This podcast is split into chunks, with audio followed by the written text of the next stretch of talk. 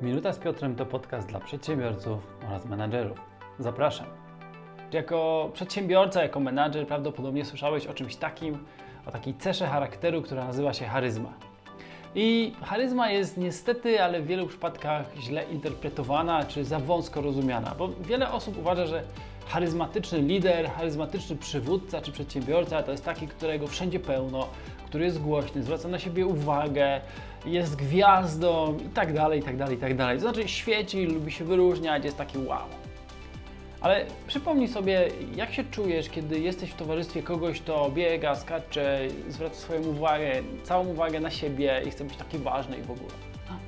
No zazwyczaj nie czujemy się w towarzystwie takiej osoby zbyt dobrze, prawda?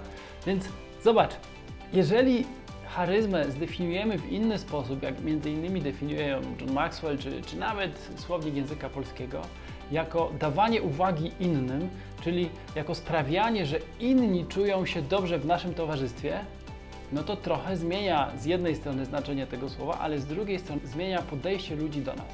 No bo zobacz, jeżeli ty jako przedsiębiorca zatrudniający ludzi będziesz zwracać większą uwagę na ich pracę, będziesz doceniać te plusy, to wszystko, co robią dobrze, no to oni zaczną na Ciebie patrzeć inaczej. Oni zaczną patrzeć na Ciebie jak na osobę, która chce im pomóc. A o to chodzi w naszej pracy.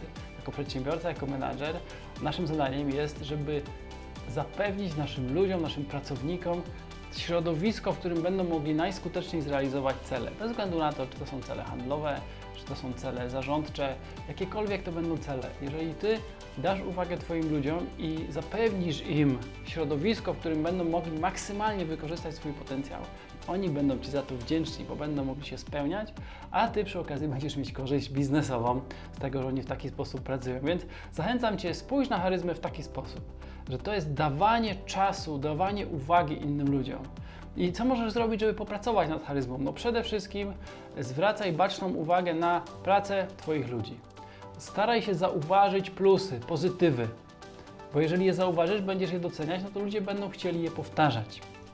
I kolejna sprawa, dziel się z Twoimi ludźmi, czasem ucząc ich czegoś wartościowego, Twoimi zasobami, Twoim wiedzą, Twoim, twoim doświadczeniem, być może też jeżeli taki system wynagrodzeń panuje w Twojej pracy, być może warto też pomyśleć o specjalnych premiach dla najbardziej zaangażowanych pracowników. Więc zachęcam Cię, pomyśl o charyzmie w taki sposób. Jeśli ten materiał Ci się spodobał, pamiętaj, że możesz dodać ten kanał do obserwowanych, ale jeżeli zechcesz, to bardzo Cię proszę, oceń ten odcinek. Poniżej masz do wyboru 5 gwiazdek, możesz również zostawić opinię. Dzięki temu pomożesz mi dotrzeć do większej ilości osób. Na dzisiaj to tyle. Do usłyszenia za tydzień. Cześć.